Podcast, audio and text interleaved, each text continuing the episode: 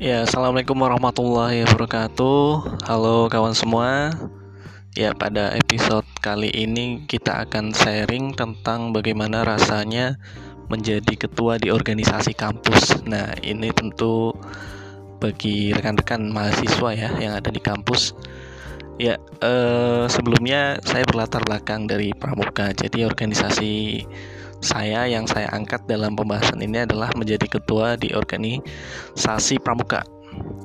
Oke, jadi eh, karena organisasi Pramuka itu unik ya daripada organisasi yang lain, mungkin memiliki ciri khas yang berbeda.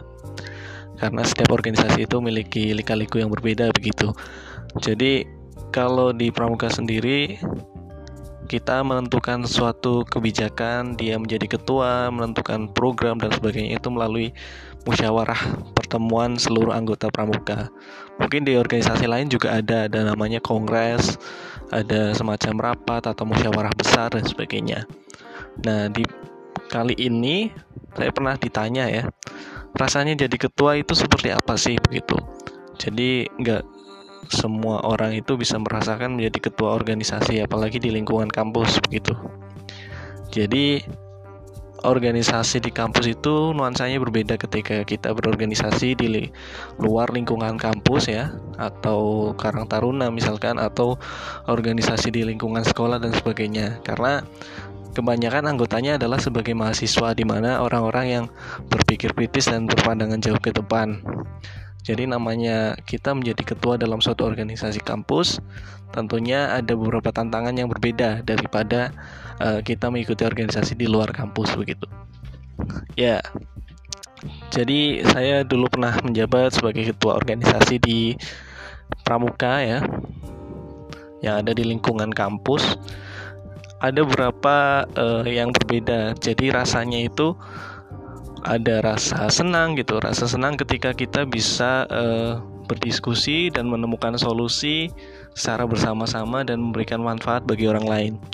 Rasa mungkin tidak senangnya ketika kita uh, belum bisa memberikan yang terbaik sebagai ketua ya. Jadi harapannya nanti ketika rekan-rekan bisa menjadi ketua di organisasi kampus ini bisa berpikir berpandangan jauh, mengajak rekan-rekan yang lain untuk uh, ikut bareng-bareng mencapai tujuan itu begitu. Nah, yang kedua ini tentang rekrutmen dalam kepengurusan ya. Jadi sebagai ketua di organisasi kampus, kita kesulitan merekrut uh, anggota yang benar-benar berkomitmen penuh untuk menghidupkan suatu organisasi. Tapi tidak perlu dipungkiri ya, bahwasanya rata-rata orang yang mengikuti organisasi di kampus itu juga kesulitan membagi waktu antara akademis dengan organisasi kesehariannya. Oleh karena itu, ketika sudah menjadi bagian dari organisasi, benar-benar nih kita harus bisa membagi waktu dengan baik. Nah, sebagai ketua, paling tidak kita memberikan contoh. Jadi misalkan eh, rapat dimulai pukul 7, entah jumlahnya jam 7 itu masih sedikit atau kurang dari setengah ya misalkan ya udah kita mulai aja gitu. Minimalnya kita buka kemudian uh, kita berdoa bersama begitu kan. Jadi tidak uh, saklek. Kemudian dalam suatu organisasi kampus itu kan rata-rata lingkungannya adalah orang-orang yang kaku kritis begitu ya. Nah sebagai ketua jadi harus bisa memberikan nuansa yang menyenangkan memberikan nuansa yang uh, bisa anggota itu menjadi ingin gitu. Jadi menjadi agenda yang di nanti nantikan begitu ketika ada pertemuan begitu.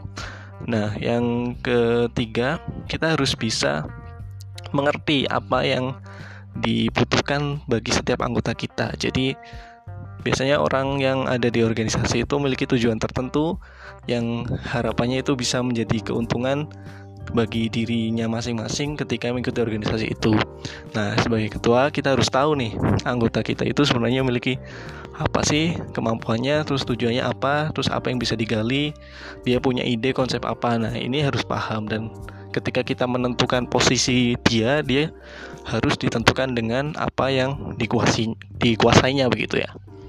Kurang lebih itu secara singkat nanti kita sharing di beberapa waktu ke depan ya karena ini banyak sekali kalau misalkan kita harus sharing uh, bagaimana ya menjadi ketua yang baik intinya.